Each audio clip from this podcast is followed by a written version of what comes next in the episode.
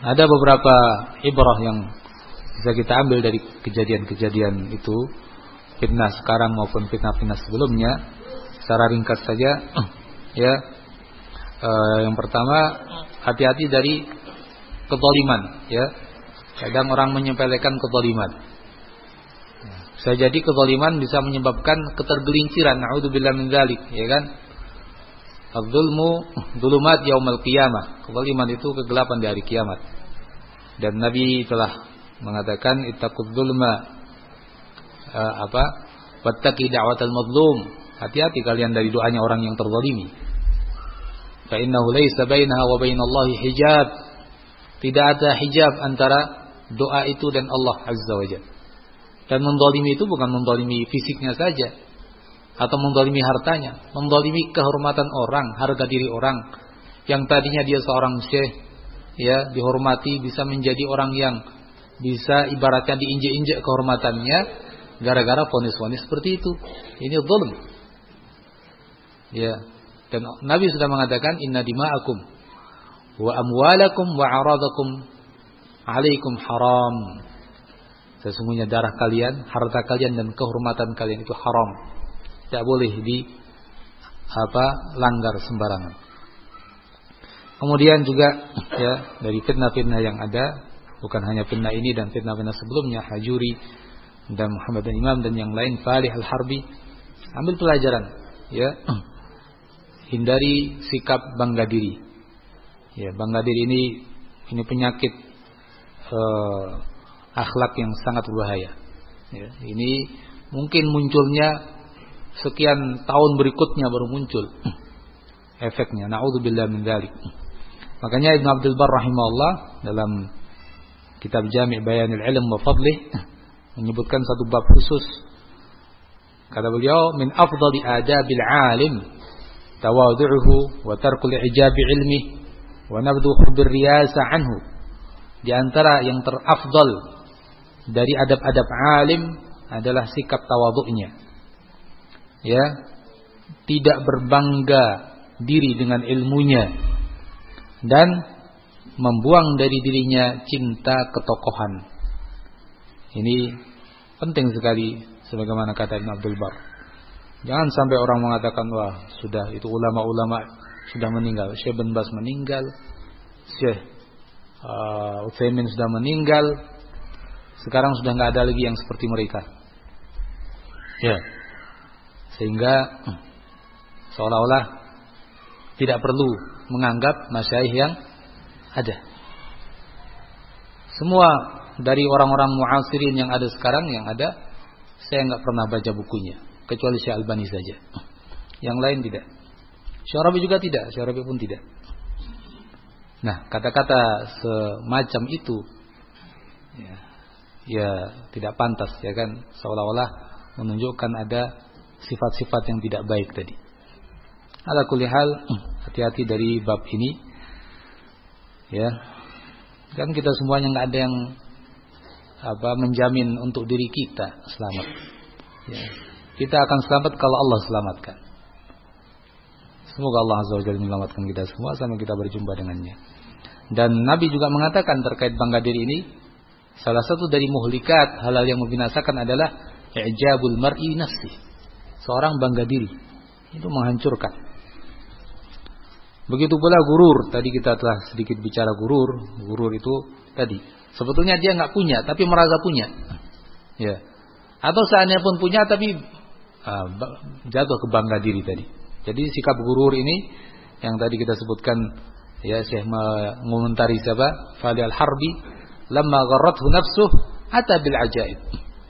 Ketika dia tertipu oleh keadaan dirinya, ya, makanya ulama dulu mengatakan, ya, atau sebagiannya nggak mau tenar, ya. Kata Imam Ahmad, saya ini berangan-angan seandainya saya di salah satu lembah di Mekah saja. Kenapa? Dan apa maksud dia mengatakan itu? Maksudnya biar orang nggak tahu saya lah. Sekarang ini saya sudah teruji dengan ketenaran. Artinya sudah orang kadung tahu siapa Imam Ahmad, siapa Imam Ahmad. Nah, ulama dulu justru seperti itu. Ini bisa membuat orang tadi bangga diri. ya, bisa membuat orang tadi lupa diri. Ya, gurur, tertipu oleh kondisi seperti itu. Ya, ketika ada orang yang mengikuti ramai-ramai dia berjalan diikuti. Nauzubillah ini bisa membuat orang apa? E, gurur tadi merasa dirinya seperti apa begitu. Kalau sudah gurur nanti menginjak tahap berikutnya bangga diri. Kalau sudah bangga diri, tahap berikutnya sombong. Ya.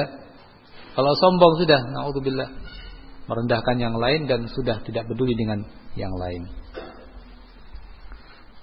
Kemudian juga uh, berikutnya pelajaran yang lain uh, ya kita kalau begitu jangan merendahkan orang lain terutama uh, apalagi ulama tulabul ilm sekalipun dia itu selevel dengan kita bahkan di bawah kita apalagi lebih tua dan lebih berilmu jangan sampai ada kata-kata yang merendahkan dan perasaan merendahkan siapa tahu dia lebih baik daripada kita dan ulama dulu Ya, seperti yang kita tahu bahwa disebut alim yang rabbani, betul-betul alim yang mendidik.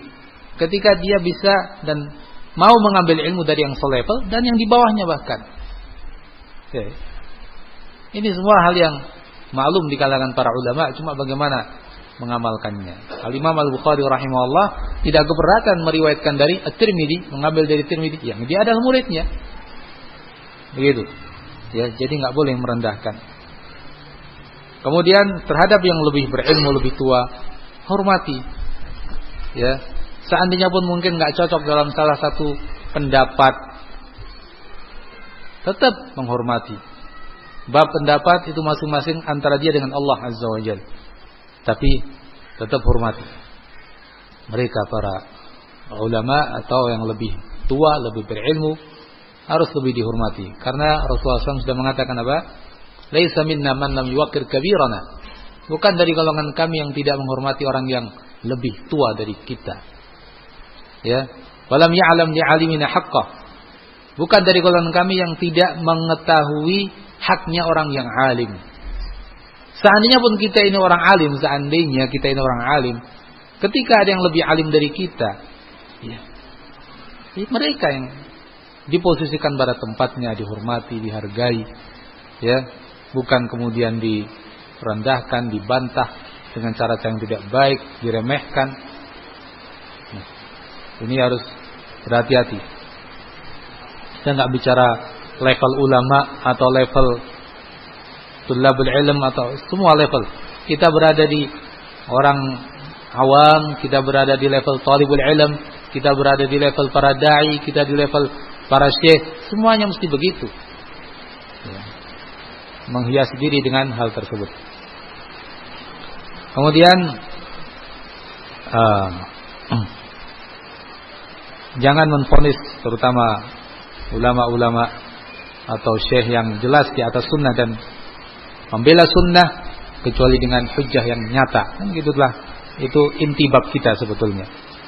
Berikutnya pelajaran yang lain yang kita ambil adalah selalu mengikuti nasihat para ulama kibar Alhamdulillah kita ini di Indonesia yang tahu dakwah sejak lama ya melewati masa-masa fitnah yang macam-macam. Di awal fitnatul Khalid, fitnah di perang Teluk ya. Perang Teluk itu ya ketika itu mungkin orang belum begitu paham apa itu salafiyah ya. Tapi ketika mengikuti ulama-ulama besar Syekh bin Baz, Syekh Utsaimin, ya, Syekh Albani, selamat Berikutnya muncul fitnah. Fitnah itu tadi apa? Perang Teluk itu ya terkait dengan fitnah orang-orang Ikhwanul Muslimin, Sururiyah ya, yang tampaknya seperti Salafi tapi ternyata membela Ikhwanul Muslimin. Ya, Safar Hawali Salman Auda itu waktu itu.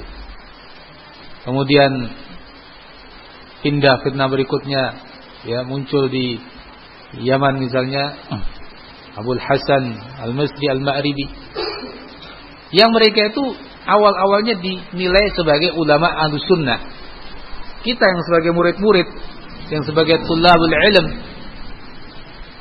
ketika melihat orang seperti dia salah ya kalau bukan karena hidayah dari Allah bisa tergelincir wah itu orang seperti itu sudah dikatakan begini-begini oleh Syekh Fulan Tapi ingat, pegangi apa nasihat para ulama-ulama besar. Ya. Dan ikuti ilmu. Ini hal yang penting. Kita ini belajar ya, ada ilmunya, ada patokannya. Kalau kita mengikuti ilmu, siapa pun yang keluar dari ilmu, ya dia salah. Siapa pun dia. Tapi kalau kita mengikuti orang dan kadang ilmu kita menjadi kacau karena orang, ya. Kayak sekarang ini. Jelas nggak boleh taklid. Siapa yang nggak tahu? Gak ada yang tahu ya, nggak ada yang nggak tahu. Jelas semua orang paham, nggak boleh taklid. Nggak boleh mencela tanpa bukti. Semua orang paham, semua orang paham itu. Ya, nggak boleh mendolimi, semua orang paham. Itu ilmu-ilmu kita itu, semuanya. nah, kalau kita mengikuti ilmu dan bimbingan ulama, oh jelas masalah ini kita bisa menghukumi. Tapi kalau kita melihat, uh, Syekh Muhammad bin Hadi, gimana ini ya? Ini Syekh besar, tapi gimana kita belajarkan begini? Hanya pusing kita. Ya. Terus gimana ini? Ilmu kita menjadi goyah. Jadi yang benar gimana? Akhirnya kalau orang yang tergelincir setelah goyah tergelincir, oh Syekh Muhammad benar cari-carikan alasannya ya atau nggak mungkin Syekh salah. Ya, dia pernah mengatakan kalau mau men mencacat seseorang itu ya kumpulkan dalilnya dulu ya, baru menfonis. Ya. Ketika orang nggak mengikuti bimbingan para ulama dan tidak mengikuti ilmu, tergelincir dan menjadi orang yang fanatik-fanatik tersebut. Ya. Muncul berikutnya fitnah Abdul Hasan, nanti Ali Hasan, ya. Ali Hasan yang orang-orang yang ngaku murid-muridnya Syekh Albani. Padahal Syekh Albani mengatakan saya tidak punya murid. Iya. Karena mereka duduk di majelis-majelis biasa saja. Yang muridnya si Albani itu justru Syekh Rabi, ya kan, Syekh Ali Nasir Faqihi, ulama-ulama itu, Syekh Mukbil itu yang betul-betul di majelis-majelis ilmu, ya, dengan Syekh Albani rahimahullah. Kalau Syekh Rabi di kelas, ya, dosennya Syekh Albani, mahasiswanya Syekh Rabi. Itu yang murid sesungguhnya. Bukan Ali Hasan yang duduk di majelis satu dua jam, ya tanya jawab, bukan itu. Syalbani mengatakan nggak punya murid yang begitu. Ya, menyimpang, ya, uh, memuji-muji apa wahdatul adian, suatu kesepakatan yang terkandung padanya wahdatul adian, sama kesatuan agama dan seterusnya.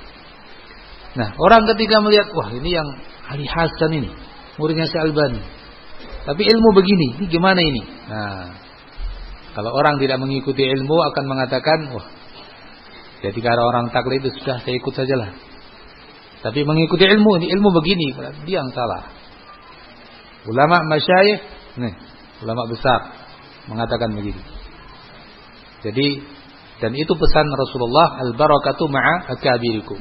Keberkahan bersama orang-orang besar di antara kalian. Kemudian banyak berdoa kepada Allah ya. Kita kadang ya ketar-ketir khawatir terhadap diri-diri kita. Kalau mereka yang sudah kelas-kelas begitu ya bisa jatuh dalam kesalahan, kekeliruan, penyimpangan bagaimana dengan kita? Kalau bukan karena Allah yang menyelamatkan kita, ya kita nggak akan selamat. Dan terkadang seperti kata ulama, orang yang baik, yang mukhlis itu tergelincir, itu Allah tetapkan karena sebagai apa? Ujian bagi kita. Ujian ilmu tadi, mau ngikuti ilmu atau mau taklid? Ngikuti yang benar atau ngikuti yang salah? Nah, jadi ujian. Kalau yang salah itu orang kafir, siapa yang mau ikut? Yang enggak ada sudah. Yang salah orang ahli bid'ah, siapa yang mau ikut? Siapa yang salah itu orang fasik sudah. Nah, orang-orang yang tulabul ilm, orang-orang yang tadinya kelihatan baik, diuji dengan sesuatu yang betul-betul ujian. Kalau ini soal yang soal yang sulit ini, kalau ibarat kita di sekolah, ya. Ada soal yang gampang, gampang semuanya bisa menjawab. Tapi ketika soal begini, tidak semua bisa menjawab. Tidak semua lulus dari ujian ini. Nah, kita sendiri juga begitu.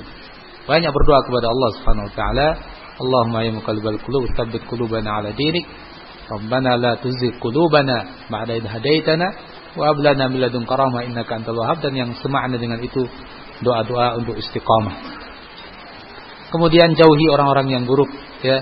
Jangan kita mengayomi orang-orang yang buruk. Mendekatkan mereka, jangan. Ya, sebaliknya dekatkan orang-orang yang baik. Jangan sebaliknya yang baik-baik malah dijauhkan. Nah, ini di antara hal yang tampak pada fitnah ini. Yang baik-baik dijauhkan, yang buruk-buruk didekatkan. Naudzubillah. Ya.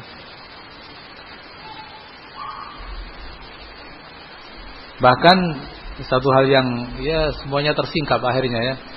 Semuanya tersingkap. Tapi itu hal yang ma'ruf sehingga bukan hal yang tersembunyi. Salah satu dari orang dekat sekali dengan Syekh Muhammad ternyata ya dari Maroko sana. Di Marokonya sudah gempar dia sebagai penyelundup besar penyelundup barang-barang dari Cina dalam jumlah yang besar. Beritanya ke mana-mana sudah itu. Hmm. Nah, orang seperti ini ke Madinah, entah Syekh Muhammad tahu atau tidak, wallahu a'lam. Bab itunya nggak tahu. Jadi jelas orang ini jadi orang dekat sekali dengan Syekh Muhammad. Ya. Naudzubillah.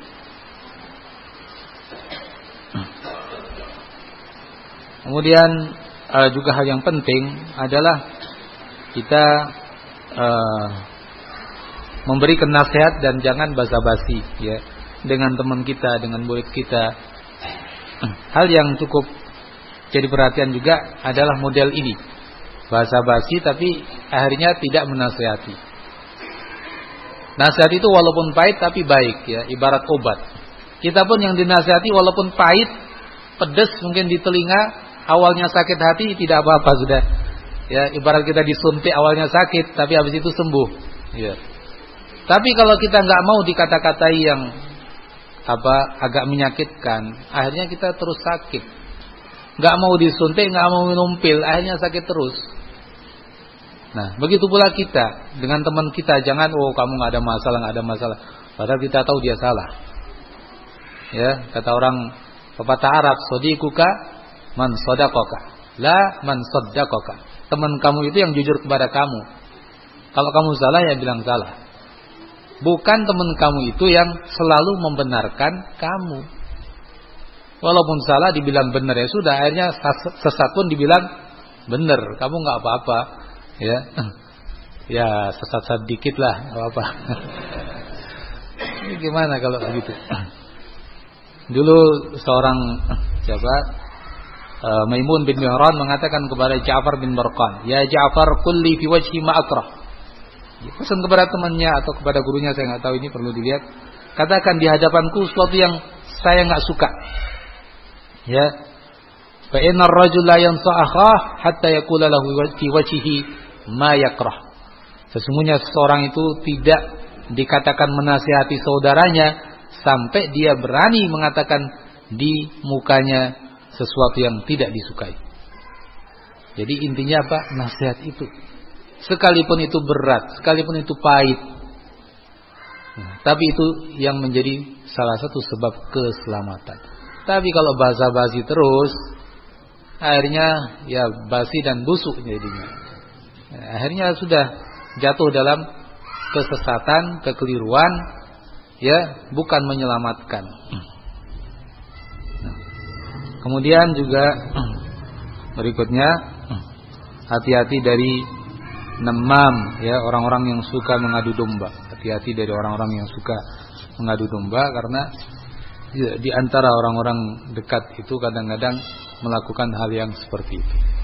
Ya, membuat bukannya membuat kita ini baik tapi membuat kita buruk, membuat kita memusuhi orang, bukan membuat kita uh, bersaudara dengan orang. Nah, ini berhati-hati ya dari orang-orang yang seperti itu.